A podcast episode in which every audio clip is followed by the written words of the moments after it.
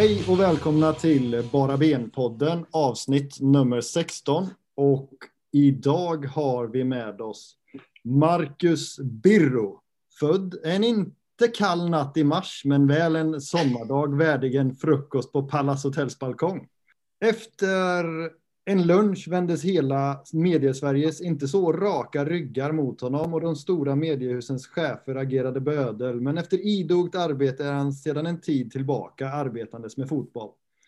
Kanske främst genom podden Alltid Allsvenskan, men icke desto mindre som, ja, vad gör du egentligen? Någon slags handelsresande i ord för olika allsvenska föreningar. Um, Kanske inte så korta biografier med små testamenten skrivs på löpande band. Nyligen släpptes boken om Daniel Kindberg och just nu skriver han på Lasse Berghagens och Jesper Janssons memoarer. Är det inte så att du har vunnit På spåret också? Ja, jo, det är riktigt. Men det är som min son säger också att det börjar bli länge sedan nu pappa. Det vill säga tio år sedan tror jag jag vann. Eh, sen så blir jag ju glad direkt med Thåström eh, och Imperiet låttitlarna som nog inbakade för de som möjligen eh, inte kände till dem. Så hörde jag dem och gladde mig. Eh, så eh, ja, så är det. Studio, precis, Studio Allsvenskan heter podden också, men annars var det rätt. Jag sa alltid Allsvenskan. Ja, förlåt. Ja, men det är ungefär samma sak. Vi, vi kör ju alltid jämt dygnet runt tre avsnitt per dag eller vad fan det är. Så att, du hade nog undermedvetet rätt ändå. Ja. Um, och sen ja, på tal om tio år sedan, det var väl i princip då att leva och dö som Joe Strummer kom, va? Eller? Just det. Jag fick ju något eh, meddelande på Twitter om att någon läste den. Sen förstod jag att det var du som läste den. Så det är inte så många som läser den, vare sig nu eller när den kom. Det är faktiskt andra gången jag läser den. Alltså, okej, okay. ja. fan. Yes. Då måste du gillat den. Jag älskade den när jag läste ja. den och nu lyssnar jag när du läser den för mig då. Ja, hur var det då? Det är en rätt härlig upplevelse faktiskt. Ja, härligt att höra. Tack. Det gläder mig. Ja. Uh, uh, ja, men den är ju en Göteborgs, vad ska man säga om den? Det är ju en orgie i Göteborgs romantik kan man säga. När jag var ung, eller ja. ja 90-talet, mycket Göteborg och sådär. Ja. Uh, men På spåret 2010 är väl intressant ur några aspekter, men det som var aspekt är ju att det var IFK Göteborg var ju indirekt delaktiga i att vi vann den finalen. Vi låg nämligen under, eh, jag och Johanna Collin mot Peter Apelgren och Elin Benno rejält i efter halva. Så jag kommer ihåg vi sa till varandra men vi får avsluta snyggt och inte tappa det. Sen går sista resan, de börjar sjunga segersånger i den andra vagnen redan. Liksom. Sen går sista resan till Göteborg. Då har vi liksom slappnat av alla tävlingsnerver, Så vi tar Göteborg på åtta. Peter Apelgren, jag vet inte vad som hände med honom där inne. Liksom. Så han, de, de tar den på två. Börjar de bli nervösa. Så kommer frågor på fot, om fotboll. Och då är första frågan vilken, eh, vilken Göteborgsklubb som har Gotia, det är ju Häcken. Mm. De svarar Gais eller ÖIS eller något sånt där. Och sen så kommer då eh, vill, nämn fyra Glenn. Det kan ju ni såklart. Eh, och många andra antar jag. Ja. Eh, men det kunde inte de och det kunde vi. Och sen så gick det lite till och sen var vi på en utslagsfråga. Och efteråt så fick jag faktiskt någon supporter, jag kommer inte ihåg rätta benämningen på den, men någon blåsupporter som skickade alla heter Glenn Göteborg t-shirtar sånt där som kom sen. Eh, ja, så det var fint. Ja. Uh, och Antonio Matanovic är även här. Ju. Jajamensan, ett nytt avsnitt och eh, så kul att ha så, en sån grym gäst som Marcus Birro med här idag. Ser fram emot det här avsnittet. Lite svensk fotboll med lite blandat Serie A-tugg. Det har man sett fram emot ganska länge. Äntligen, ja. säger Härligt att höra. Ja, det är faktiskt eh, första gången som jag har mina icke idrottsintresserade kompisar eh, blev eh, intresserade av att, eh, lyssna. Eh, ja. Jag blir. såg också på er Facebookgrupp att det var någon som sa att tacka honom när han reser sig och går. för att han just har rest sig och gått. Ja, vi, den, var, ska, den var med också. Ja, vi, ska, vi ska tacka dig när du reser dig upp ja, och går. Absolut. Det är, det, är, det, det, det, det, det hör till. Min, min, min, fru som eh, tycker, hon är ju inte alls fotbollsintresserad, hon lyssnade på ett avsnitt nyligen och tyckte att det var görtråkigt, för det handlar bara om fotboll. Men jag sa det, Marcus Birro kommer. Och Marcus Birro, herregud, han skriver ju om Lasse Berghagen. Det måste ni prata om. Jo, jo, ja. vi, vi, kan, ja, vi ska, men det är kanske inte det som våra lyssnare... Ja, men prata om Lasse Berghagen. Vi ska få in kanske lite Lasse Berghagen så min fru kan känna att eh, hon är med. är med här i matchen. Hon var helt ja. lyrisk. Eh, vi ville veta om På spåret och Lasse, om Lasse Berghagen. Hon såg ju någon dokumentär där på SVT ja. om Lasse Berghagen. Hon Gick på nyår nu. Mm. Den var fin var den. Riktigt fin. Ja, den var fin. Den var fin. Ja. Ja. Han har levt ett spännande liv. Det blir en spännande bok. Det kan ja, det kan jag tänka mig. Det kan jag tänka mig. Men det är ju, det är faktiskt, du, du, du är här delvis då som någon form av eh, Italien-konnässör och Serie A-kännare, men även allsvenskan och också som författare givetvis. Um, och vad, vad, tror, vad tror du? Är, är, din känsla att fotbollsspelare läser tillräckligt mycket? Nej, verkligen inte. Um, jag vet ju att jag jobbade med Henrik Rydström en tid och han läste ju en del. Han, när han sen blev tränare så har han slutat läsa också skönlitterärt och läser bara ledarskap och kollar på Bode Glimt och sådär.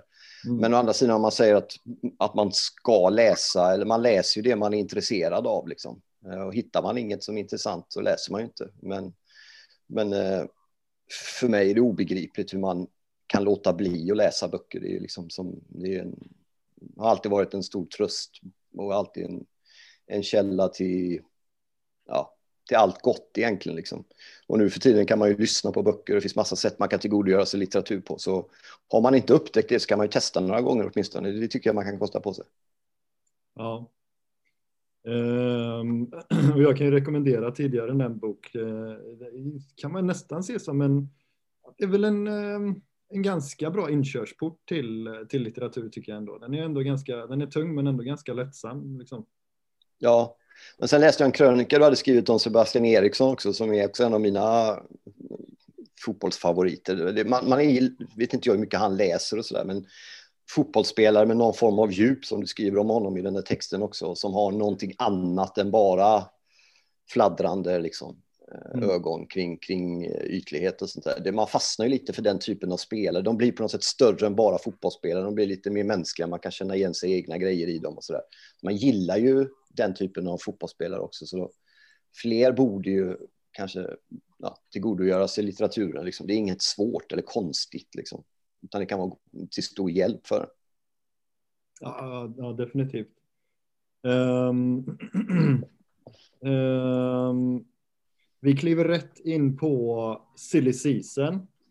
Uh, mm. Hur är pulsen? Um, får ni mycket tips till er i uh, Studio Allsvenskan? Eller Ja, det får vi ju. Eh, det är väl Henke där som är silly djuret från början. Liksom jag har varit ganska, ganska ljummen inför det. Men när man är i det, man, går, man jobbar, det är ju heltidsjobb liksom, som jag är där. Man sitter hela dagarna.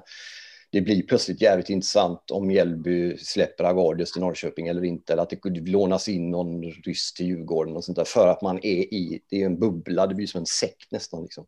Mm så fort man kliver ut den och man gör något annat i två, tre veckor så upptäcker man att man ganska snabbt bara struntar igen om Djurgården tar in någon ryss eller inte. Men, men när man är i det så är det ju rätt. Och sen så är det ju också att det är väldigt många som är väldigt intresserade av det. Liksom.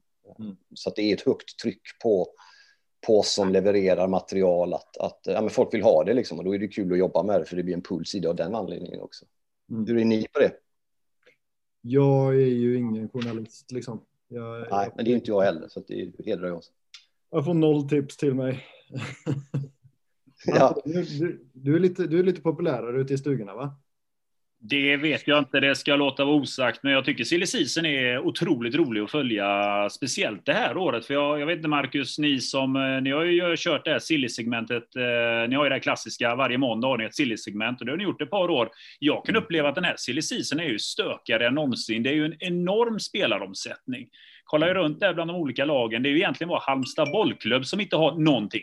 De har inte gjort en enda affär, ingen in, ingen ut. Men tittar man på lag som till exempel Ja, men ta, det, det är rätt vanligt att man tittar bland klubbarna att det är tio spelare uppåt som har lämnat och det är inte lika många som har fyllt på. Fönstret håller fortfarande på.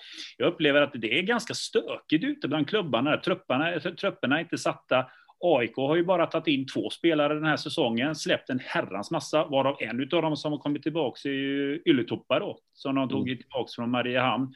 Eh, Mjällby till exempel, en sån klubb som Birro, det är ju jätterörelse av spelare.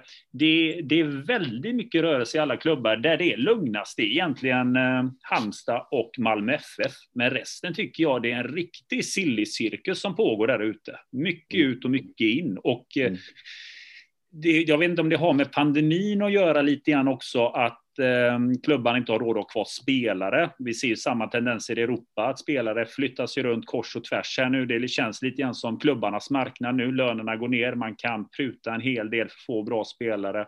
Det är precis det jag tror Malmö FF gör. Alltså ja. att inte de har värvat en spelare, det är för att de har cash i banken. De väntar in lite grann här nu, kollar runt i Europa, ser om det är någon som är sådär totalt petad i sin klubb ligger mellan 10-15, är riktigt bra, sen hugger man på honom. Jag tror det är precis deras strategi. Men de andra klubbarna här nu en hel del försöker sätta sina trupper så tidigt som möjligt. Men det är jätterörelse ute. Jag tycker det är en otroligt stökig silly season och det älskar jag. Mm.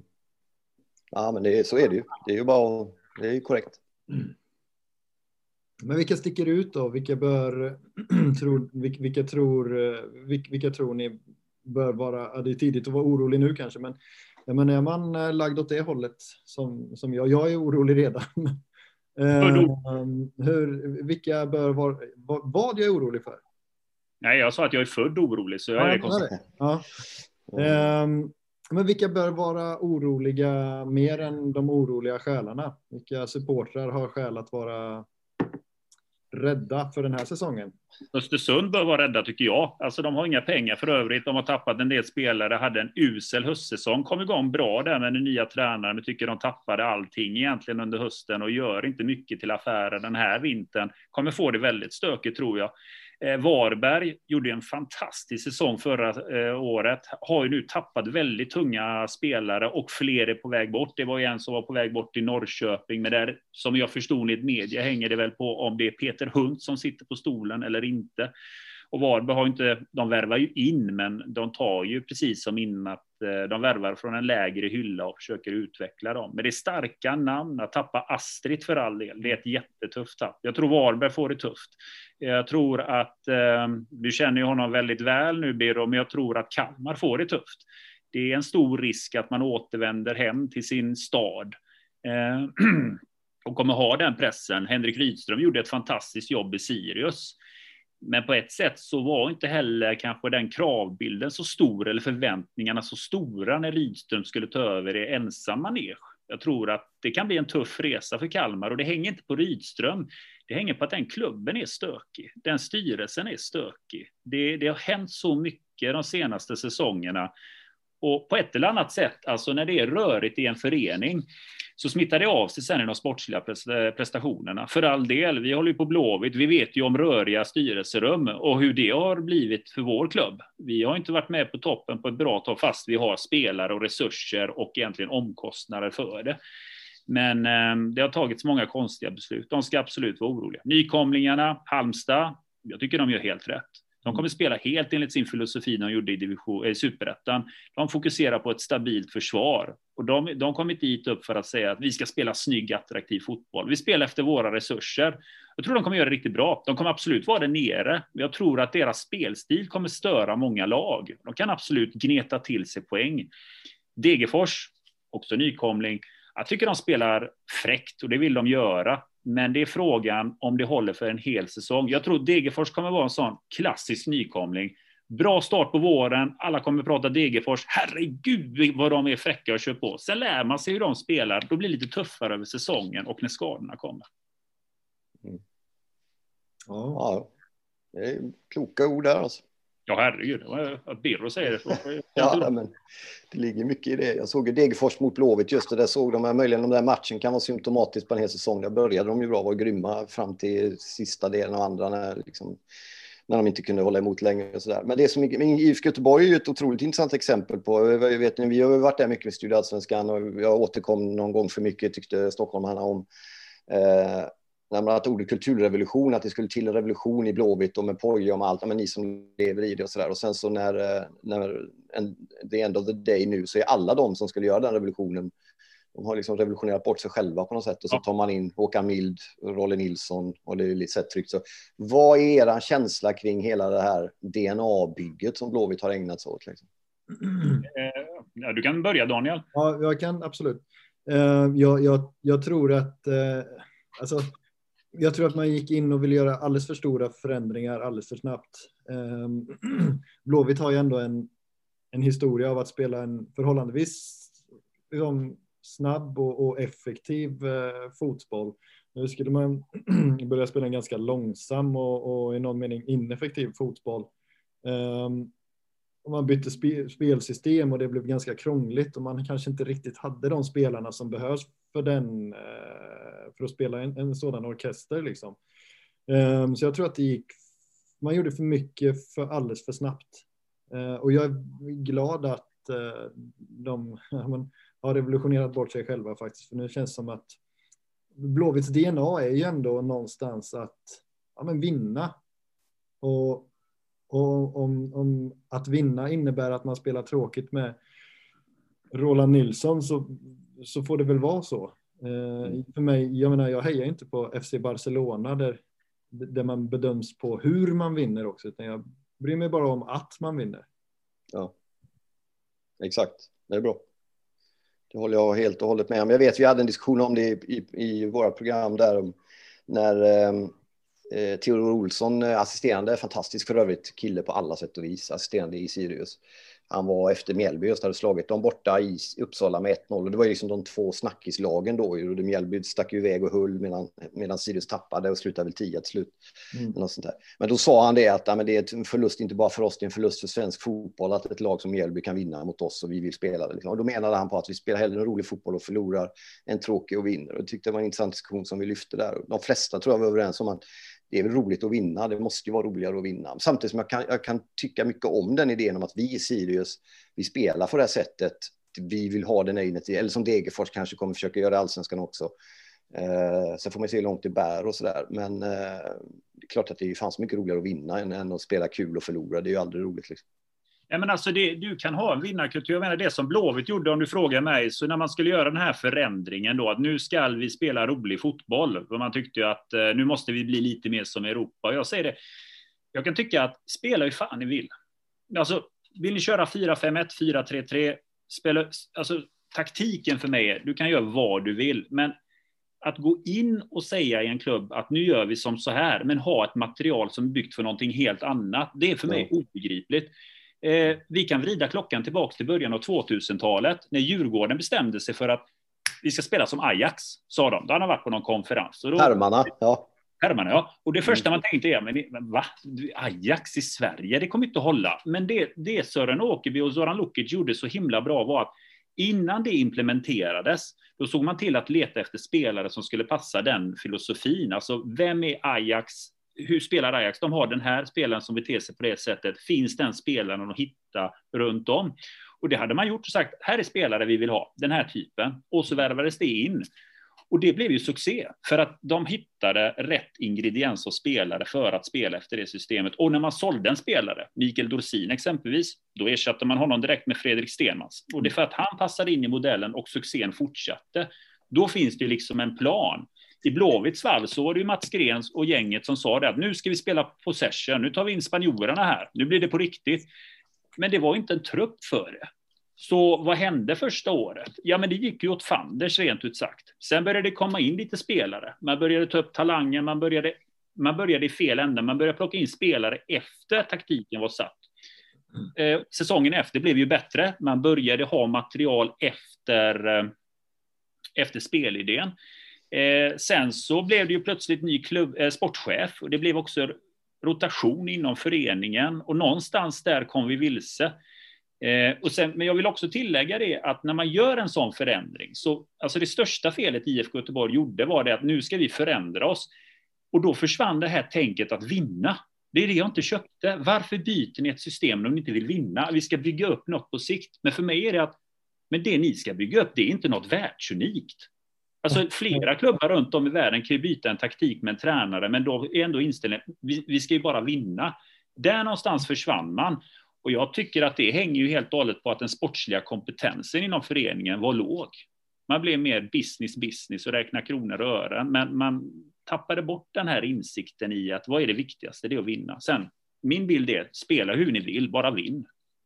Men det påminner lite om när Pep-klotet kom till HBK och värvade in halva Real Madrids eh, C-lag eh, och skulle vinna allsvenskan med det. Liksom. Det, det var ju dödfött naturligtvis.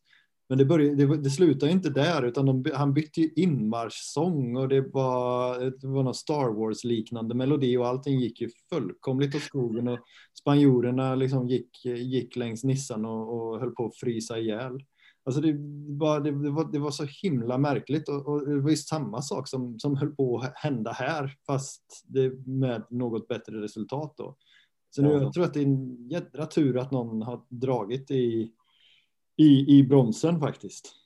Ja, absolut. Ja, Det, det, känns lite som en så obegripligt också. Det är liksom en av ja, men jag som var med, jag var 10, 82 när Blåvitt vann Uefa, jag var 15 och de vann 87. Liksom. Eh, eh, det är obegripligt hur man skulle vilja på, i grunden förändra, förvandla och då i förlängningen försämra en sån klubb med det anseendet och med den liksom, historien. Och, istället för att bygga på det och vara stolt över vilka man är så börjar man säga, fan vilka är vi inte? Liksom. Ja, vi är inte det och det, vi, ska, vi måste bli det och det, vi måste ut till, fan Häcken hämta folk i förorten, vi måste göra som dem. Alltså börja snegla på det, det är liksom det är obegripligt för mig. Ja, men där är du inne och snurrar på någonting, för det är precis det som jag tror. Jag är själv är från förorten, jag är från Biskopsgården. Jag menar på min tid när man gick runt där på skolgården, det var inte en jäkel som pratade om IFK Göteborg. Det var ju faktiskt Serie A primärt alla surrade om. Det var ju italiensk fotboll, eh, men Blåvitt, det var ju på den tiden redan då Eh, på 80-talet, början 90-talet, det, det, det, var ju något, det var ju något fult. Liksom. Det, det där är det. Nej,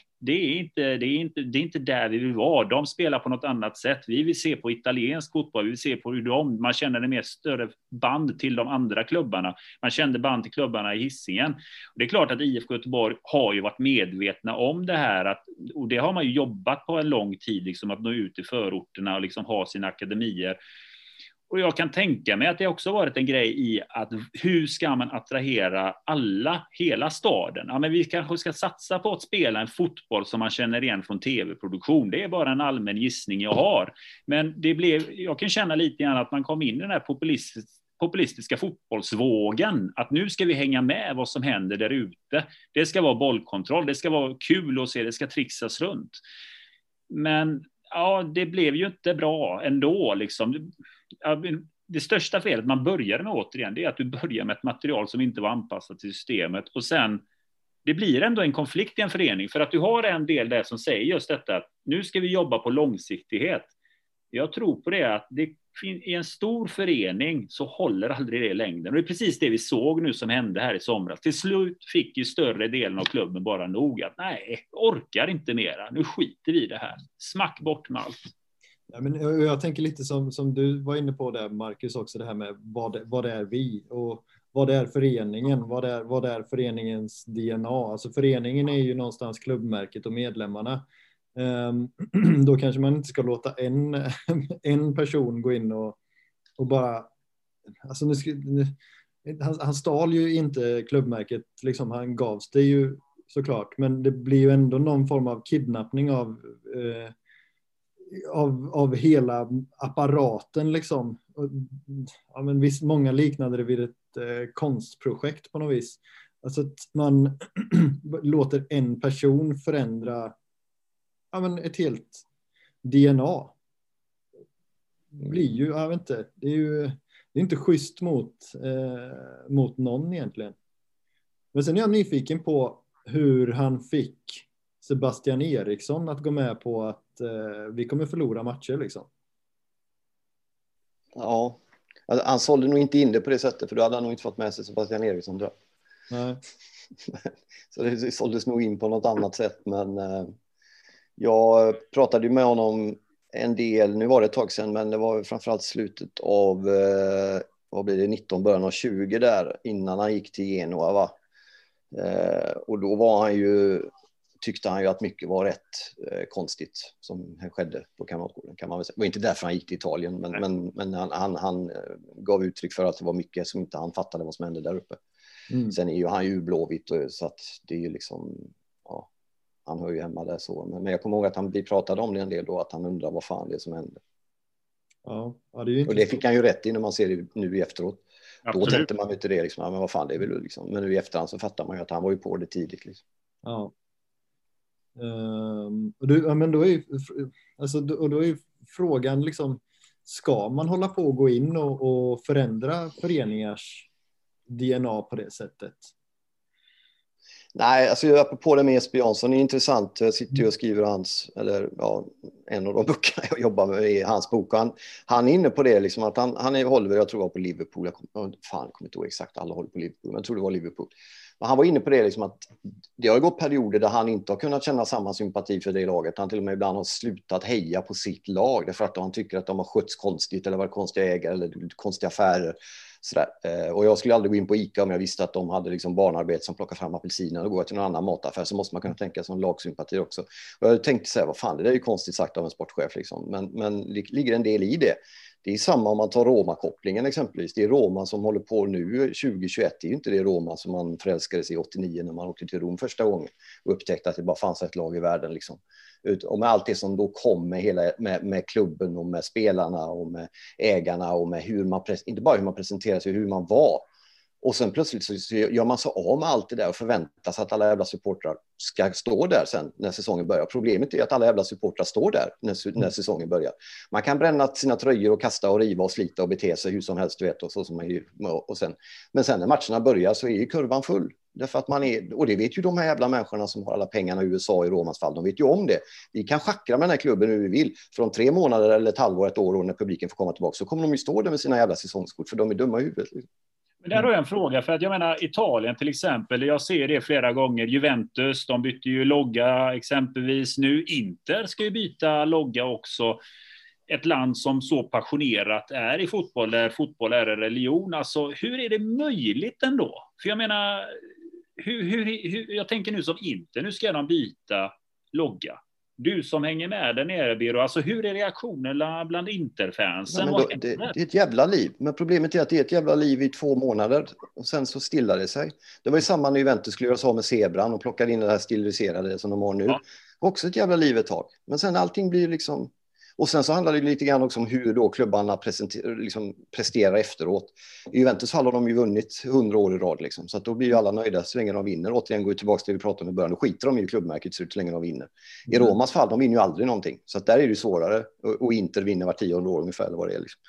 Så det handlar lite grann om hur de, går, hur de gör sen, hur framgångarna ser ut. Liksom. Men folk är jättearga. I Italien är alla arga jättemycket, högt. Men det lägger sig. Sen är de inte arga längre. Och så står de där och köper tröja med. Ja, den är rätt snygg den nya loggan. Liksom. Och sen är de där. För, för, att, man, för att man, är, man är liksom så... Man är så...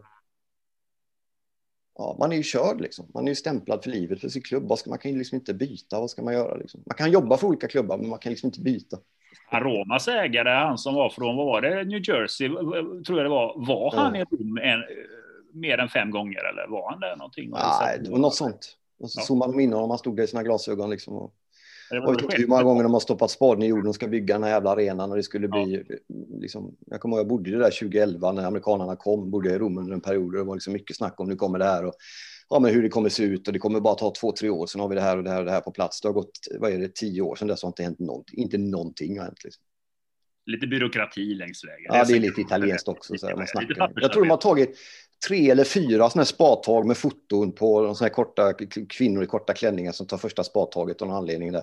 Här ska vi bygga arenan liksom. Och sen är det här ska vi vara. Tre gånger har de gjort så här, de har ju inte byggt en jävla arena, de har inte kommit nära liksom. Det blir kul att följa hur det går för Fiorentina sportcenter där, för det där bygget kommer väl ta minst 20 år innan det står där. Det var ju också någon invigning och grejer läste jag om att det var ju otroligt stort olivträd och grejer och det var i full fart. Men uh, det kan nog ta lite tid där också kan jag tro. Det ska ja. upp till politik och sånt också. Ja, det var Juventus som lyckades. Liksom.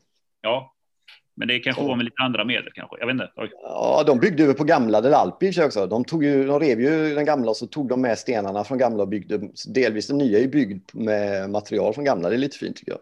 Ja, det...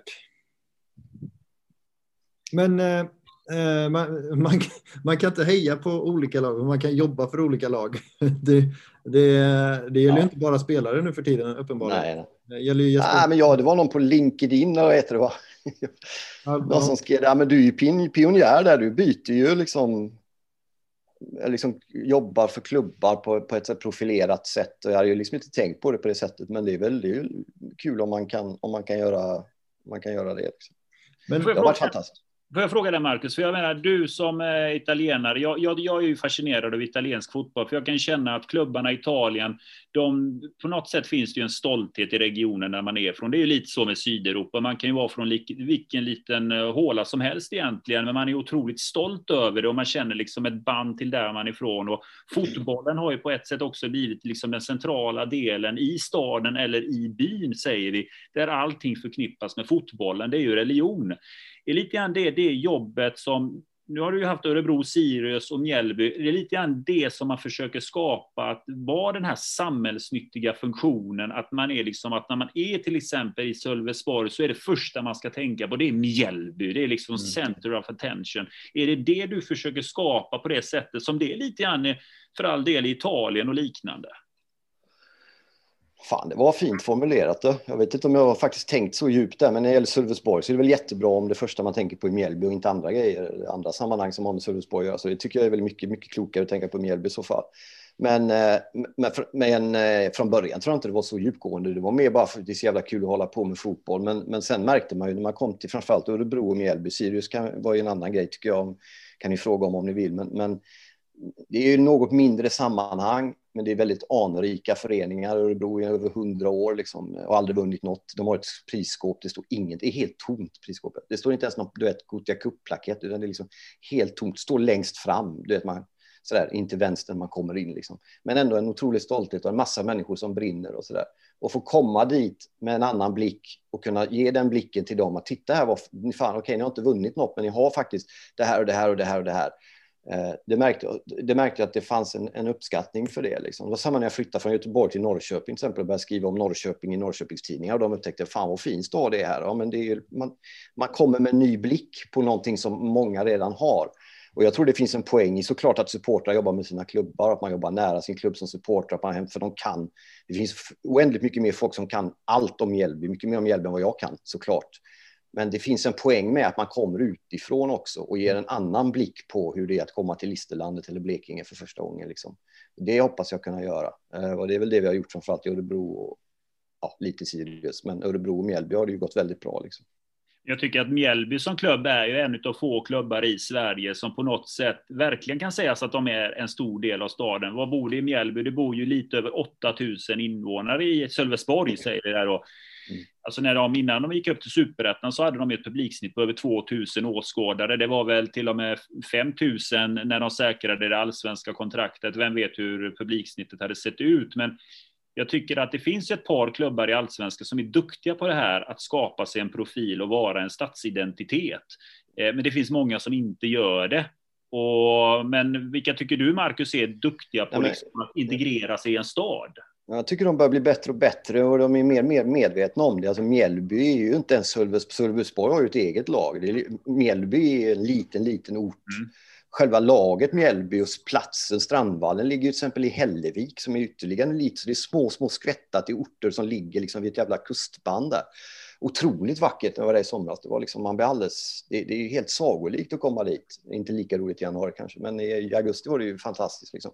Men Mjällby är ju bra på, på att odla det där, liksom, att man, man gör saker som man egentligen inte är kapabel att göra. Örebro håller ju på att bli bättre på det tycker jag. Sirius jobbar ju stenhårt med att de vill ju att alla som spelar där också ska bo där så att det inte blir ett svart hål till Stockholm utan det är fan en Uppsala-klubb. Ni har ju sett själva där, Uppsala i blåsvart. De försöker pränta in det i folk att det är en Uppsala-klubb. Vilket jag var, och det var inte bara jag, men jag sa det till dem när jag började där och för bara ett år sedan eller vad det var nu att det är ju folk som vet ju inte ens vilken jävla stad Sirius kommer ifrån. Alltså om du pratar med någon som inte är riktigt fotbollsnörd, du måste, ju, måste förankra Uppsala i klubben och tvärtom. Det är ju en bandystad och studentstad för all del.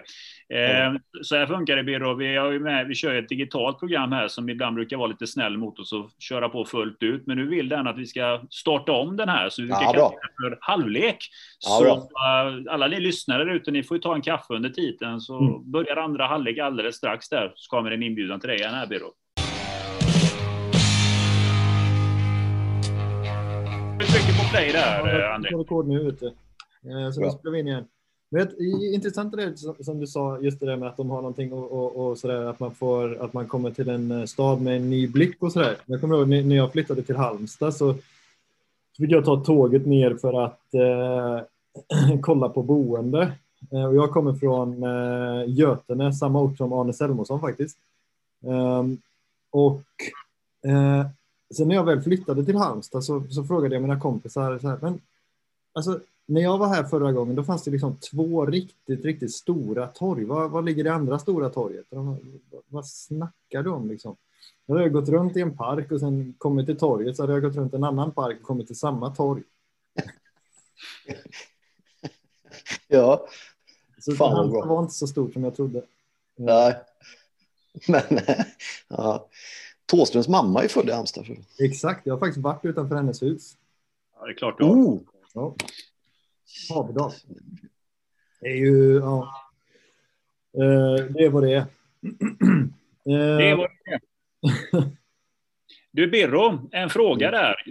Jag tänker mycket av, det finns en del trender jag tycker som skapas i Serie A. Och någonting som har följt Serie A tycker jag historiskt sett är ju sportcheferi. Jag tycker att sportchefer har alltid haft en hög status i den italienska ligan. Och jag tycker att eh, det är inte någonting som har funnits i Sverige tidigare. Vi har ju varit extremt förknippade med engelsk fotboll, tipslördag och liknande, där tränaren på något sätt, vi har ju fått, jag kan uppleva att eh, läktarkulturen har haft den bilden att en tränare styr allting, precis som de gör i England, manager och liknande. Jag menar här i Göteborg, jag tycker att det här med sportchefsrollen på riktigt kom ju till när Håkan Milt kom in i det jobbet och blev på något sätt för min värld också för många andra sportchef en viktig titel. På mm. senare år så har ju sportcheferiet blivit en stark aktör i Sverige.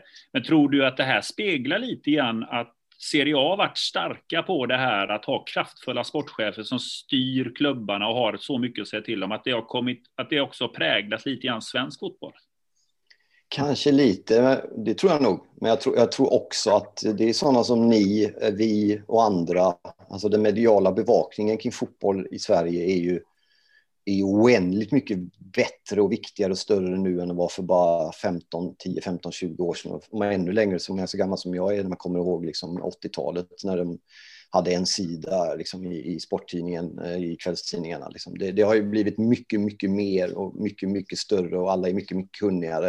Och du kommer liksom inte undan med någonting. Eh, och det kan sitta, och det, det är liksom en sorts medial punkrörelsen är närmast att vem, liksom inte vem som helst, men att en massa passionerade människor kan skapa sig egna plattformar som kan väldigt mycket och kan ofta mycket mer och måste göra att riktiga då, sportjournalister får hålla sig på tårna. Vilket gör att de flesta av dem sållas bort för att de inte är på tårna och sen är det några som är kvar och lyckas och så där. Så jag tror nog det handlar lite om att, att, att eh, den mediala bevakningen kring fotbollen är mycket bättre. Och då, då tänds det upp fler och fler lampor i fotbollens värld och, och ett av de största rummen i, i de husen det är ju sportchefs eh, vad, vad det är en sportchef gör. Liksom. Eh, så det tror jag också är en stor del av anledningen. Om man tittar lite på sportcheferna idag, jag kanske säger lite fräckt här, ni sitter i Studio Allsvenskan här nu, Allsvenskan är igång. Vi ser till exempel att det går väldigt dåligt för IFK Göteborg den här säsongen och då tror jag att mycket av ljusen hade riktats mot Pontus Svanerud eftersom det är ett truppbygge. Och jag vågar påstå att han i sådana fall skulle få ganska mycket kritik. Men jag är ganska fräck när jag vänder på det och säger att om Djurgården hade varit i samma situation och det går faktiskt riktigt kast så menar jag på att Bosse Andersson klarar sig och det blir Kim och Tolle som tar all skiten. Har jag rätt i min bedömning? Ja, det tror jag. Jag tror du har rätt. Varför är det så, tror du? Men jag tror inte det bara har med alltså, Studio Allsvenskan att göra. Jag tror lite det har att göra med Dels är det fördelningen av ansvar inofficiellt eller officiellt eller hur man väljer att lägga liksom, ansvars... Bosse Andersson är ju närmast helig i svensk fotboll märker man. Alla älskar ju honom. Liksom. Det är jättesvårt att komma åt honom. Medan Kim och Tolle är det mycket lättare, framförallt Kim, då, att komma åt på olika sätt och så där. Så dramaturgin ser lite annorlunda ut. Uh, uh, så att jag tror att du har helt rätt. Sen varför det är så tror jag är mer komplicerat än så. Eh, det kan ha att göra med att Bosse har suttit och gjort en väldigt massa bra saker, även om det skulle gå dåligt nu. Pontus Fornerud ligger ganska ny och färsk på sin roll där. Det har varit lite turbulent efter Mild var där, nu behövde två ett tag. Jag tyckte att det var en jättebra idé, det hade jag ju helt fel. Det var ju uppenbarligen inte alls en speciellt bra idé. Eh, det är bättre med en kanske. Men, men jag tror det har med lite sådana saker att göra också, tror jag. Ja, och, och, just det där med att det skulle vara en bra idé. Det, alltså jag tror att om man ska vara liksom dela på sportchefsrollen så, så tror jag kanske inte att man ska komplettera varandra på ett sådant sätt att man har två helt olika perspektiv på, för hur man ska framåt. Det tror jag blir svårt. Det är riktigt. Man kanske Ja, kan komplettera svårt för varandra. Ja, men man kanske kan komplettera varandra genom att, eh, jag vet inte, dela på arbetsbördan eller något. Jag vet inte, men eh, kan, det, det kan ha blivit lite knasigt den här gången. Men det var ett intressant experiment kanske. Ja, Men eh, Ja, bra sagt. vad är, vad är, vad, du- berättade ju lite vad du gjorde i Örebro och, och Mjällby och sen så sa du att Sirius eh, var lite annorlunda. Ja, men Örebro var ju det första och det nya. Det var liksom så här jättekul att få komma dit. Jag skulle vara där i tre månader. Jag var där i nio månader. Vi slog rekord liksom. eh, Ja, ganska låga siffror antar jag från början. Men vi slog rekord med alla, med hur man nådde ut och så där. Det gick väldigt, väldigt bra helt enkelt. Och sen så när det avslutades så gick jag till, till Sirius då. Eh, och där var det ju väldigt eh, en helt, men då märkte jag också där att man tror ju utifrån att de flesta klubbar är ungefär likadana uppbyggda och det är likt och så där. Men eh, det är en väldig, det, det var en, ja, i Örebro fick man jobba lite som man ville. Det var sköna människor. I, i Sirius var det väldigt mycket Excel-format, Excel-papper som skulle fyllas i. Jag vill veta vilken intervju du ska göra om fyra månader klockan 13 och hur det inslaget ska se ut nu. Och du ska skriva det i de här Excel-papperna och sen ska du skriva det i tre Excel-papper till. Och, och jag är inte riktigt den. Så att det skar sig lite där. Det, det var lite för mycket välkammade Uppsala och alla var inte riktigt lika pigga som en del andra på att jag var där. Supporterna tyckte att det var en jättedålig idé. Jag tyckte inte att jag fick bevisa att det kan bli en bra idé. Och, ja, det var motvind och sen så kom corona på det. Liksom. Men eh, jag hade jättekul. Alltså spelarna, jag träffade Anton som jobbar med, med fysiken där och eh, fick träffa Niklas och, och Lukas Jonsson och Vecchia och alla de här som är fantastiska. Och jag fick åka på träningsläger framför allt och vara där och skildra träningsläget. Jag har aldrig varit på träningsläger innan, vare sig som dålig spelare eller som medelmåttig journalist innan. Jag fick åka dit och göra ett jobb där för dem. Det var faktiskt riktigt jävla roligt. Liksom. Men sen så när jag kom till Mjällby så var det också som att ja, men, vi, vi är jätteglada över att du är här. Vi tycker att det är skitkul att du är här, att det är du som är här och du ska få göra det du är bra på. Liksom. Och sen var, om någon säger något de första veckorna så vet vi att det kommer gå över. Gå in och gör din grej. Jag går in och gjorde min grej och visade över tid att så att det var som att komma hem och komma till Mjällby faktiskt.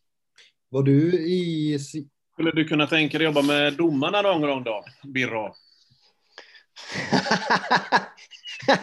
Där är han ju! Fan vad stort! Äntligen! Vad är tröjan? Du skulle skicka en tröja ju. Vill du uh, jobba med domarna, tycker du? Vad sa du? Kolla där alltså. Ja, den där är mäktig du. Den, den har Eh. jag glömt. Uh, ursäkta att jag fått vänta så länge. Ja, För, för er som är lyssnar då och inte ser så har det dykt upp en eh, kupp här. En domare har dykt förbi här, Bojan Panjic, med en Ja. tröja som Birro har letat efter otroligt Ja, det- länge. Har vi har vi efter, efter, Det skulle vara en Ja. julklapp till Birro, Ja. om jag minns, som jag Ja. sa till dig. Men eh, den är lite... Han var stilren. Tomten kom inte i tid, helt enkelt. Ja. Eller så är han extra tidig, det beror på hur man ser det. Ja, det- Fan, vad. Hur är läget med dig? Det är bara bra. Det är bara bra. Jag sitter här och Ja. lyssnar och, och, njuter av snacket. Ja, du ser stark ut tycker jag. Ja, det, säsongen är igång redan Ja. nu. Är kuppen snart på gång och vi längtar Vad, till det. vad ska du döma för match i cupen? Eh, Jag har inte fått listan än, men vi har ju fått vilka datum vi dömer så att det blir, det blir förhoppningsvis inte Östersund eller så långt bort när det är kallt. Men det är ju även kallt i Göteborg. Ska du döma EM? Eh, nej, det blir eh, nog Andreas Ekberg om han får eh, chansen till det. Så att, jag håller mig i bakgrunden än, än så länge. Ja, okej. Okej. Du tar för dig med Bojan, eller vad säger du Birro? Ja, exakt. Riktigt. Fan, Bojan är ju... Bojan är ju kungen alltså. Det är många spelare som nämner dig som bland de bästa och går bra att snacka med och sådär. Vad- Blir du glad över det eller? Ja, men det är klart. Alltså, jag var ju, när jag började döma så var ju alla chockade att jag skulle ha en visselpipa, för jag var ju en jävel på att köta på plan. Eh, Jag tror det har gjort eh, att jag kan hantera de som är på ett visst sätt, att jag kan prata med dem och få med mig dem utan att bara liksom hyvla av dem på, på det sättet som kanske vissa andra kan göra. Så att, Ja. där, är jag mycket gratis. Ja.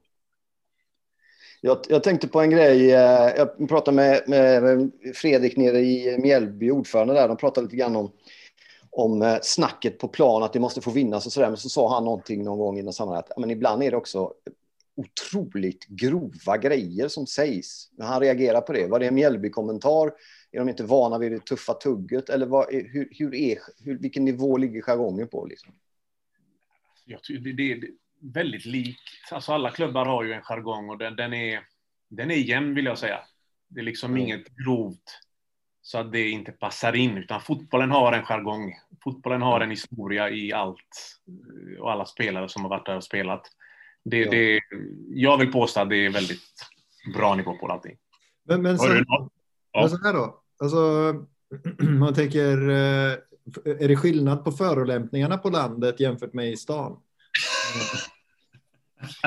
ja, det är en bra fråga. Man får ja, höra konstigare grejer i Sölvesborg än vad du får höra i... Eh, har vi det.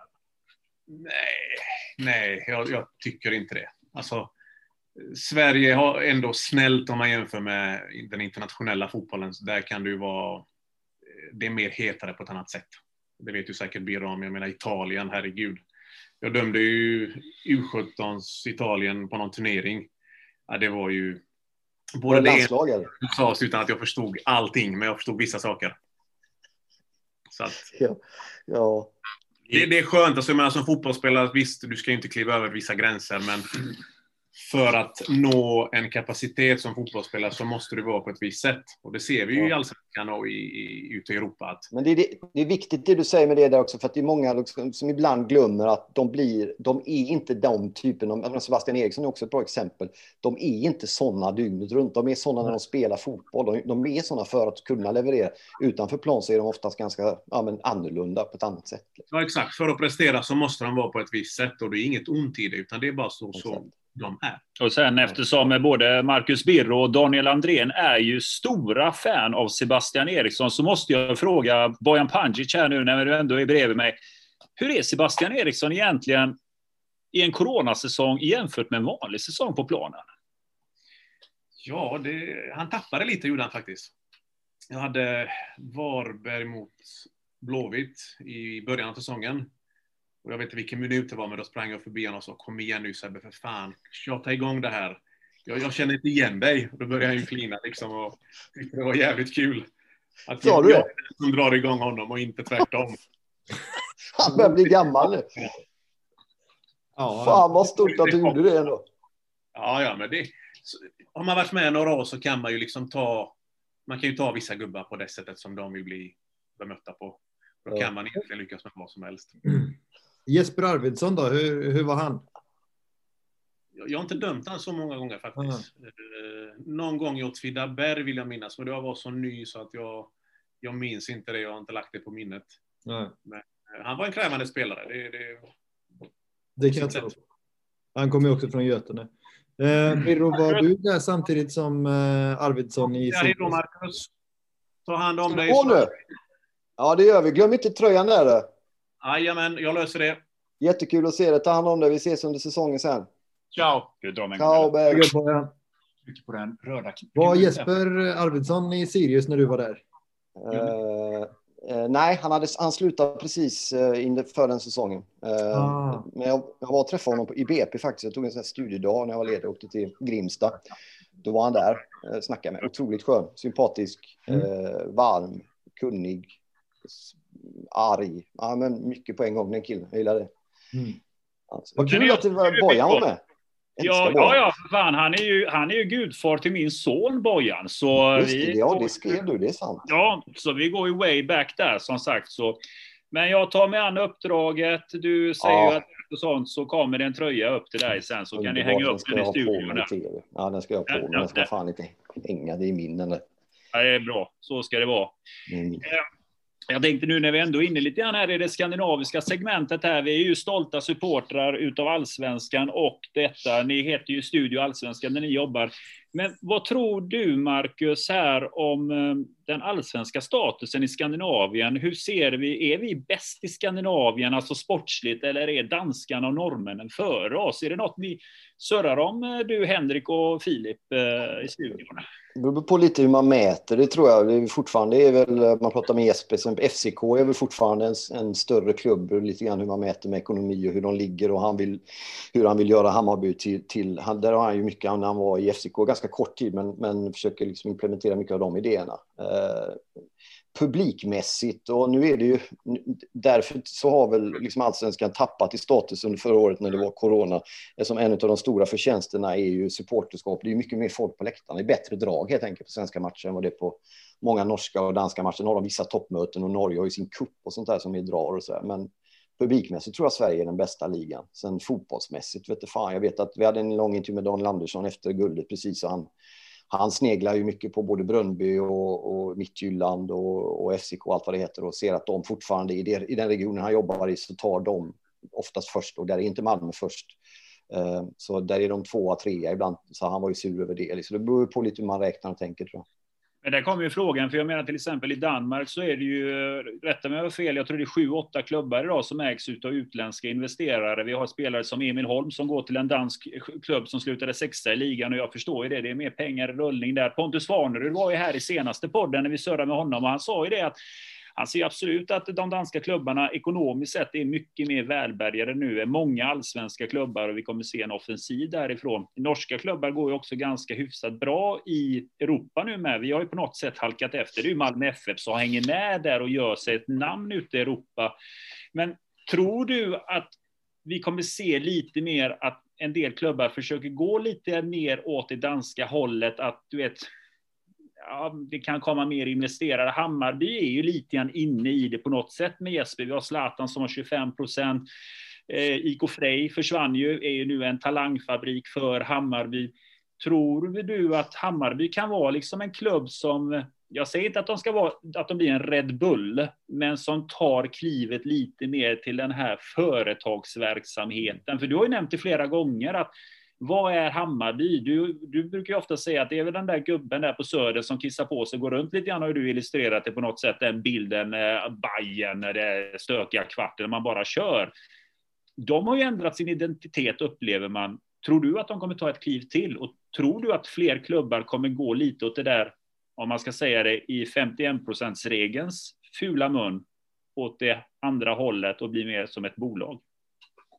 Ja, det var många på en gång där, men bra formulerat återigen. Men när det gäller Hammarby så är det nog inte Hammarby som tog bräschen på att utveckla, men det är samhället i stort. Södermalm är ju, är ju inte, består ju inte av, av nedpissade fyllogubbar på grund av ägaren längre, liksom, mycket mest. Utan det, det, var ju, det är ju välbärgade människor som flyttar in och jobbar med media och kommer från andra delar av och köper sig en livsstil med Södermalm varvid Hammarby har blivit ett, ett en del av det i mångt och mycket. Sen finns det hardcore-supportrar, det finns sådana som har vuxit upp och var på bar, liksom när ni möttes på 80-talet, ni och, och Hammarby med de här sambatrummorna och Eriksson och Kenta och allt vad fan de hette. Liksom. Men det där är ju en, en, utveckling av samhället i stort och även stad Stockholm som har förändrats mycket och där är ju Hammarby en del av det och Jesper Jansson gör ju ingen hemlighet av att han vill driva Hammarby i den. Och när han får fria tyglar och druckit en öl nere på där vi brukar träffas så brukar det ju börja gnälla som 51%-regeln därför att den är fantastiskt många sätt men den sätter också vissa ekonomiska hinder från att ta lite större kliv. Och eh, någonstans så måste man ju ställa sig frågan varför svenska klubbar inte kan mäta sig med klubbar i annan storlek, exempelvis Danmark, Norge eller Österrike också på exempel som ofta har lag som går långt i turneringar. Och där har du ju ett, nämnde ett av namnen där är ju där liksom. Det handlar ju om pengar. Men det borde gå för svenska klubbar att göra att bli bättre och att bli större. Men frågan är vilka, vilket pris man då får betala och om svensk fotboll är villig att betala det priset. Vad tror du Daniel? Alltså jag, jag är alldeles för romantiskt lagd för att eh, eh, vara intresserad av det där. Och jag tror att man, alltså om man skulle hoppa på det tåget nu så alltså det har ju gått. Eh, det, det går inte att, och, och, och, det skulle ta så fruktansvärt lång tid att komma ikapp Eh, ja, kanske för all del inte, inte danska och norska lag, men alltså, om man ska, ska upp i Champions League-pengar så jag menar, då får det vara en hysteriskt eh, rik investerare som pumpar in, in enorma summor. Um, och sen tror Ja, nej, ja, jag har svårt, ja, jag, jag har svårt att, att se någon vinst i att ta bort 51% regeln. Nej, men var går gränsen lite grann? Jag menar, vi till exempel, vi har ett intressentbolag. Vi är ju ja. jättetacksamma. Det, de går ju in och köper spelarna, men hur skapades intressentbolaget och vem satte normerna för det? Det är ju klubben som gjorde detta. Och det jag undrar lite grann över där är ju det att det här skapade ju, klubben tog beslut, vi ska ha intressenter, de ska ha avkastning. Eh, av affären, det ska vara liksom en affärsmodell. Det var ingenting som medlemmarna var engagerade i eller fick tycka mm. till om. Det är det som jag inte riktigt förstår vart fotbollen kan vara på väg någonstans. Att det där är helt okej. Okay. Och så kan andra saker bli något helt hula baloo. Så jag menar ju på att det som händer lite grann inom svensk fotboll är ju det att klubbarna börjar bli lite kreativa med detta. För det spelar ingen roll. Jag menar på att när man involverar intressenter eller några som börjar pumpa in pengar, de får ju mer att säga till om i föreningen, vare sig man vill eller inte, för de har ju liksom satt sin slant på det här och det, med pengar kommer ett maktbegär. Det kanske inte handlar om att man ser att jag räknar med att få hem 20 miljoner detta, men jag räknar med att om jag slänger in 5 miljoner nu i den här föreningen så räknar jag med att jag, min röst är ganska tung. Ja. Ja, och den eh, jag tror att det är en ganska snårig stig att vandra på egentligen, eh, om jag ska vara helt ärlig. Alltså, men, jag tänkte, alltså just det med, jag läste idag om, om, om massa, massa liksom chefer som, som har gått före i vaccinationsköer. Och, och det, blir, alltså, det, det, är en typ av korruption. Jag tycker att om man då köper sig in i, via investmentbolag eller intressentbolag så, så, blir det ju någonstans en form av korruption kan jag tycka. Um, för jag tror, jag tror ju inte att de där fem miljonerna är villkorslösa liksom. Ja, jag har svårt att tro det. Det kan finnas ett jättegott hjärta i många som investerar. Det är också den romantiska bilden att man vill föreningens bästa. Det enda jag menar på är att det kan också leda till att någon gång komma till den grunden att nu har jag plöjt in pengar, jag vill ha mer insyn och jag vill också tycka till lite grann. Det är lite grann i människans natur att man har en åsikt och en vilja, för man, man är expert, just inom fotboll är ju alla experter och jag kan tänka mig att en investerare som kan komma in kan plötsligt bli, det kan ju bli en sån som börjar komma in där säger Hammarby, Blåvitt, vad som helst, de kan börja styra. Så var det ju med Nils Wiberg, Prioritet Finans, när han var storresponsor. Han krävde ju för sig ekonomi, han ville ju styra föreningen och det funkar ju inte. Nu är han i Djurgården, där har han en helt annan insyn med Bosse Andersson, han är lyrisk, han får ekonomiska rapporter och får tycka till på annat sätt där. Så det är en snar gräns vi är inne Vi hade ju Mats Gren här första avsnittet. Han ville ju verkligen att de skulle gå upp med BK Häcken. Varför då? Det är den enda chansen vi har för att hävda oss i Europa. Vi kan inte ha det här vi har idag. Vi vann SM-guld. Det räcker inte. Vi vill ha mer. Vi går in i Häcken. Nu kan vi bygga någonting för Europa. Och jag tror vi kommer se mer sammanslagningar, i synnerhet inom svensk damfotboll. Men jag tror att vi kommer se det mer också inom herrarna. Vi börjar se det med mindre föreningar i lägre divisioner. Mm det, det kommer sagt, det kommer bli mer och mer det här eh, AFC-historier och liknande som kommer dyka upp, tror jag, inom svensk fotboll. Ja, Österlen för all del med Freddie Adu. Freddie Adu. Det är också ja, en grej. Uh, men, nej precis. Uh, och det är ju, det är ju, men, men, jag tror, tror, men, men Tror du det är sammanslagning? Ja, kanske. Men, men, men Helsingborg är väl ett ypperligt exempel på att det är livsfarligt att hålla på med massa investerare. Det gick ju sådär. Och sen fick Henke, mm. Henke försöka bygga en trupp där de skulle tjäna 40 000 i månaden. det gick ju... Det var Men det är också samtidigt, med allt det där så är det ju då, om bara gå tillbaks till, till för någon månad sedan eller två så har vi liksom ja, men ett lag som höll på att åka ur division 1 för ett antal år sedan. Liksom, som kom och är femte bästa klubb i Sverige. Och mm. som alla sa att de kommer att åka ur och de kommer att åka ur och det kommer ju inte gå. Och, och det är, många av de spelarna som spelade i Mjällby 2020 var ju med och höll på att åka ur division 1 2016, 2017. Liksom.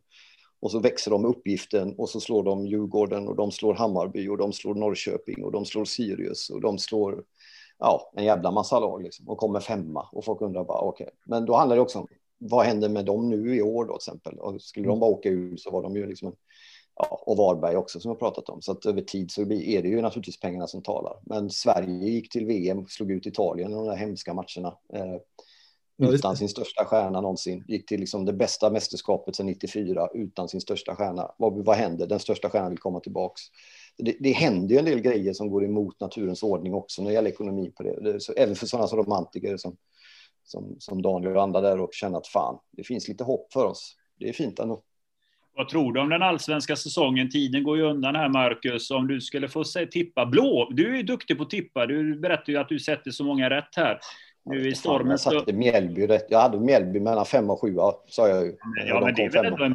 Det är väl ja, det är bra. Men den har jag ju kört mycket nu. Alltså. Ja, den är ju, den kan inte leva på den längre. Alltså. Nej, men då, då ska du få leva på någonting nytt här nu. Vi, ja. Du får ju lite spåkulan här. Silly är mitt igång.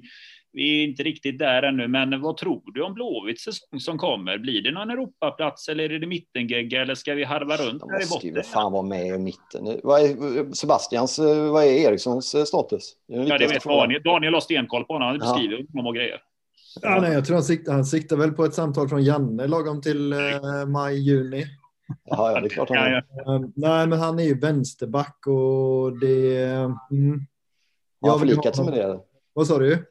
Har han förlikat sig med att han är vänsterback? Jag tror det. Ja, okay. Eh, men jag tror kanske att han hellre hade spelat på mittfältet.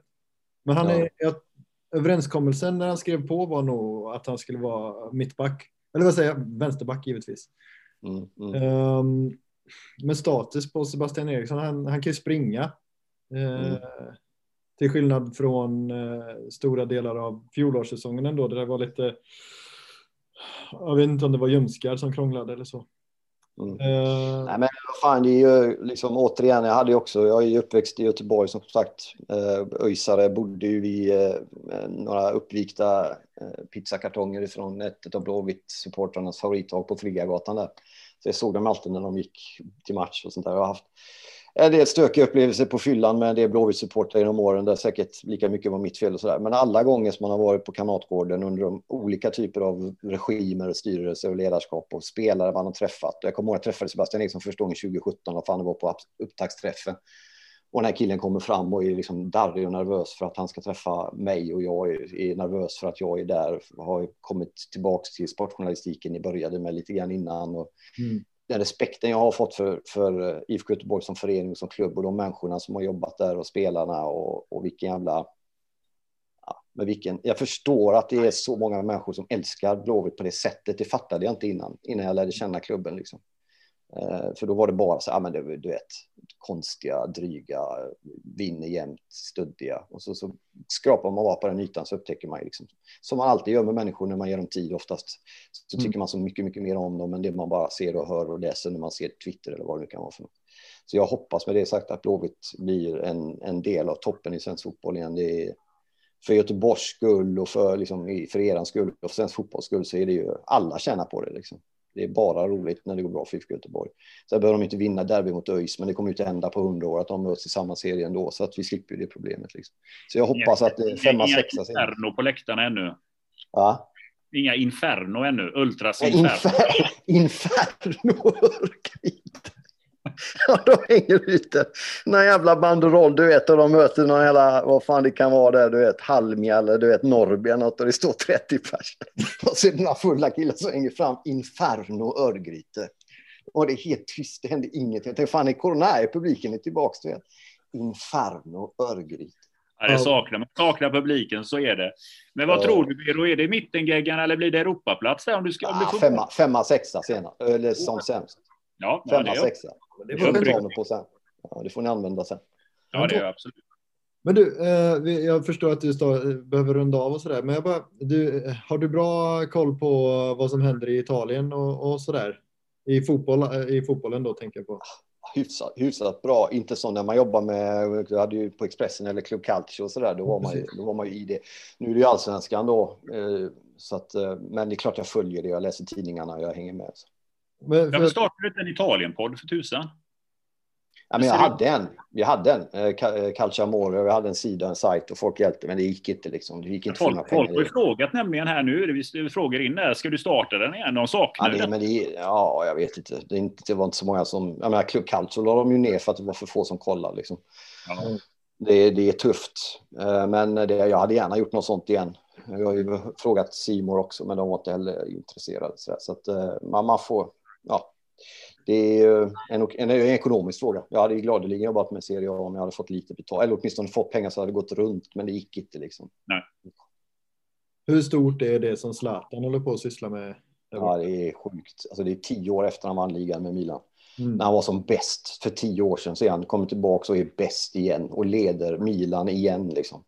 Har du sett hur mycket kroater det mycket kroater det är i Milan nu? Otroligt. Ja, gillar du? Ja, det är bra. Men de har haft många bra... Alltså Balkanfolk, jag säger det i Studio A, alltså Balkanfolk, det är ju de som håller Studio eller Serie A-flaggan högt i Sverige. Alltså. Det är ju bara Balkanfolk. Får jag fråga dig just på tal om Balkan. Vi har ju Kacaniklic ska ju lämna Hammarby för Hajduk Split. Vi har en del spelare som nu börjar gå ner mot Kroatien. Jag har ju min teori att man kanske inte åker dit ner för att där vill jag vara hela karriären. Men faktum är ju det att Serie A är ju en liga som plockar mycket från eh, Balkanligorna. Gör man det väldigt bra så blir det ju ofta steget från kroatiska ligan, toppklubbarna eller Serie A-klubbar eller de serbiska klubbarna, topparna, de drar ju över till bra klubbar i Italien. Det är liksom inte någon Serie B-klubb där eh, som går och plockar dit dem, utan det är respektabla Serie A-klubbar som tar in spelare från Balkan. Varför är det så, tror du? Ja, men de har ju koll naturligtvis på läget. Det är kul också, men en del svenskar har ju gått också. Nu har han från Häcken och sen var det han Björkegren från Falkenberg. Gjorde ju mål mot Brescia nu i Lecce. Okay. Uh, halva allsvenskan. Det var skönt att någon gick över. Ja, jag vet inte vad vilka jävla agenter de jobbar mot. De har hört av sig till alla faktiskt. Men uh, uh, det var kul. Jag såg att han gjorde mål där, Björkegren mot Brescia där. Det var, det var fint att se. Det var därför jag var lite sur på Vecchia att han gick till Norge, men det var ju bättre än Polen i alla fall. Det, ja, det var jävligt konstigt där faktiskt. Pontus Svanerud reagerade också faktiskt på mm. det att Vecchia hamnade i Rosenborg. Han sa det, det var jävligt konstigt val att, uh, att en sån poängspelare kan hamna ja. där. Det var, ja. Han kanske inte hade, han hade ju Polen och Serie B möjligen då. Det var ju de han hade att välja ja. Men var... när Sebastian Eriksson var som bäst där, eh, var, var han någon form av namn i, i Italien? Eller han han göra sig ett namn så att säga? Ja, oh ja absolut. Ja. I, när han var i Cagliari så var han ju definitivt ett namn. Ja. Det var en spelare som det snackades om och pratades om. Liksom. Och så, han spelar ju rätt mycket. Ja, gjorde, så, gjorde. Då, var han ju, då, var han, då hade de ju koll på honom liksom. Och då följde man ju honom också. Och så jag fick upp ögonen för honom också. Men det var framförallt det han, när han skrev, apropå det vi, för att avsluta med vad vi började med om spelare ja. som inte är så jävla litterärt bevandrade. Det är inte hur mycket tjocka böcker Sebastian Eriksson läser eller inte, men det spelar ingen roll hur mycket han läser. Han har ju ett djup och ett intellekt och en känslighet som är ganska unik för att vara en fotbollsspelare. Och när han uttryckte sig i skriftlig form om David Astore som dog eh, då, som han hade spelat med, det var bland det liksom jag sa det till honom också, jag skrev det flera gånger också, bland det starkaste jag läst. Liksom. Det var inga märkvärdigheter eller krångligt eller konstigt, vilket det var därför det var så jävla bra. Men det var bara så jävla rätt, väldisponerat, känsligt. Han har varit där, han formulerade det och man blir så här, fan är det här liksom? Så träffar man Conan, någon jävla traktor, tatuerar och älskar Cobain liksom. Då är man ju, du vet. Man Men han, jag vet inte, du har säkert sett den också. Nu var ju den här till Astori var ju verkligen, det var ju hög klass så, men den texten han skrev till Tobias Hysén var också jätte, jättefin. Ja, också glömde den. Det är helt rätt. Ja. Han är helt fantastisk och verkar vara, vi har bara träffats några gånger, men han verkar vara liksom. Sen kör han bil med en galning också, det är alltid ett plus. men du, jag, jag tänker att vi eh, avslutar som ni brukar avsluta genom att fråga hur var det här? Det var jättekul. Fan vad glad jag blev att jag, att jag men vad säger men vi hade alltså lite ont om tid då, men att jag tog mig tiden och att jag fick vara med. Stort tack för det. Eh, och det var som, som sades innan här, man kände som att man var hemma. Och det var man ju. Härligt. Du ska känna dig hemma, det var målet. Ja, jag var fan lite så halvrörd känner jag. Ja, det var jättefint, jätteglad. Stort tack för att jag fick vara med. Ja. Har du någon anekdot innan vi stänger av som du kanske vill bara slänga fram? Du är en eh, man med en bok och historier. Jag vet inte om jag vet. Vi kan ta en Tåström-relaterad då kanske. Åh, hemskt gärna. Det var jag skulle skriva boken om Imperiet för ett antal år sedan. På bandets begäran faktiskt skulle de ge ut en sån här box med så här allt om samlingsbox och så skulle jag skriva boken. Och då, då skulle man göra in. Ja, sådär. Lite, den var för mycket jag, men skitsamma. Men i alla fall. Den är, den är bra. Ja, den, den håller. Men eh, då skulle jag, var kul att du läste den. Det kom en till sen, det var någon annan som fick skriva den. Det var han, eh, progg, eh, vad heter han? Ja, den jävla sångare. Thomas Andersson Vi tror jag. Just det, den, ja, den ja, men det är också mycket jag i och för sig. Ja, okej. Okay, ja. I alla fall, så då skulle vi ha intervjuer med de här eh, personerna på telefon då. Eh, och Christian var ju svårast att få, Christian Falk, för han var ju stökig då liksom. Sen, men sen skulle ju Thåström ringa då. Vid någon tidpunkt. Och jag tänkte, nej men det är... Ja, och jag fick en tidpunkt, han skulle ringa och jag sätter mig i rummet och han ringer. Eh, på utsatt tid. Och, och, och han sa, ja, hej, hej. Ja, ja, det är Joakim. Ja, hej. ja, ska vi börja intervjun. Så, ja, hur är det? Oh, fan, jag, jag är jättenervös. Jag blir, jag blir årets östgöte förra veckan. Det är det första jag säger. Och han bara, ja, okej. Okay. Och sen är det, är det helt blankt. I 45 minuter pratar vi, kommer inte ihåg någonting. Har inte gjort en anteckning. Jag har ritat ett hakkors som jag har korsat över, som jag brukar göra på en skidjacka. Överkryssat hakkors. Det var det enda som på hela intervjun. Så efter vi ringer upp skivbolaget och säger vi måste göra om det för det blev ingen intervju.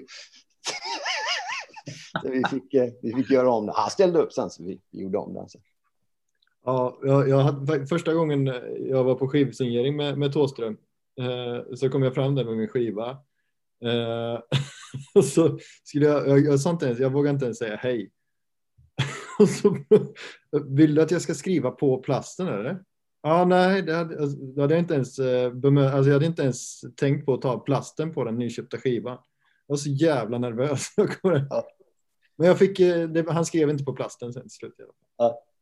Jag var med min fru också i någon bokaffär i Stockholm. Här. Han, han gjorde, gav sig till känna där. Eh, han såg väl oss i fönstret. Och han, ja, vi har träffats någon gång så, här, så han hade väl druckit lunchöl och var glad. Liksom. Så han kom in och efter det första jag frågade så ja, hur är det då? Så, ah, så jag ligger skilsmässa så, så det är jobbigt. Så, vilken, vilken av dina skilsmässor var värst? Frågade jag. Och då såg man ju bara liksom, då, allt jävla, det var bara liksom backen. Jag gick ut och sjönk ihop sen. Min fru fick hjälpa mig till en taxi. Men jag var liksom helt förstörd i två dagar. Inte två dagar var jag förstörd. De var, vad fan håller jag på med? Jag kan inte handskas med det. Liksom. Sen träffade vi honom på en spelning efteråt, eh, någon, några månader senare. Och då var han jättefull och glad och vi kramades och det var trevligt. Så vi löste det. Men han är liksom för stor. Det, det är för mycket liksom. Ja, det är otroligt. Du är hjärtligt välkommen tillbaka. Ja, stort tack. Jag kommer så fort ni ringer. Mm. Jävla stor ära och glädje. Verkligen Birro, det här hade varit så kul om du kommer tillbaka till tillfälle. Vi vet ju att du har fullt upp med... Nej, nej, lägg av med mig nu. Ring, ring, ring så, så kör vi. Ring så, så jävla märklig är jag fan inte alltså. Och stort tack för allt arbete som görs. Vi, både jag och Daniel lyssnar ju på Studio Allsvenskan. Vi ska absolut lägga en eh, tips om att för er som inte lyssnar på den ska absolut gå in och lyssna på det. det är, jag tycker personligen att det är otroligt kul när ni har gäster. Jag tycker det är väldigt bra gäster, bra tugg eh, som ni har med gästerna. Eh, nej, men det är väldigt bra. Sen har ni ju, sen, men, men alltså, alltså en sån gäst som Elias Andersson var ju en joker där från Sirius. Mm. plockat in. Han var ju riktigt rolig med sin trodde man, jag trodde det skulle vara det tråkigaste avsnittet. Jag bor ute i skogen så jag har för mycket fritid där. Lyssna igenom det. Jag garvar ju sund, men det var ju riktigt bra mm. där. Va? Grymt ja, det, ja. Nej då, absolut. Så för er som inte lyssnar så ska ni absolut in och lyssna. Det du gör där, det är ju mer när stockholmarna dalar. Det vet du Det är inte Birro som dalar, det är stockholmarna. Du håller ju en jämn nivå. Sen alltid, det vet du. Medel sådär, tre plus. Nej, Göteborg, jag vet att göteborgare i Stockholm, det är alltid fem plus. För de har ja, det är det faktiskt. Man får ett plus gratis där. Och de förstår sig inte på göteborgare. Det kommer Nej. de aldrig göra heller. Så är det. Det fattar, man, det fattar man inte förrän man är tillbaks i Göteborg, att de inte har fattat det. När man sitter nej, i sådana här sammanhang. Det är då man fattar vad de inte fattar. Ja. Men du, innan du går så ska vi säga tack för att du lämnar eh, rummet för att vi ska ja. gå efter han lyssnaren som sa det att Just det. Ja. när du väl sticker. Ja. Då gör vi det. Tack. Ja, tack, tack för att du lämnade rummet, Biro. Tackar. Tack. Hej med dig.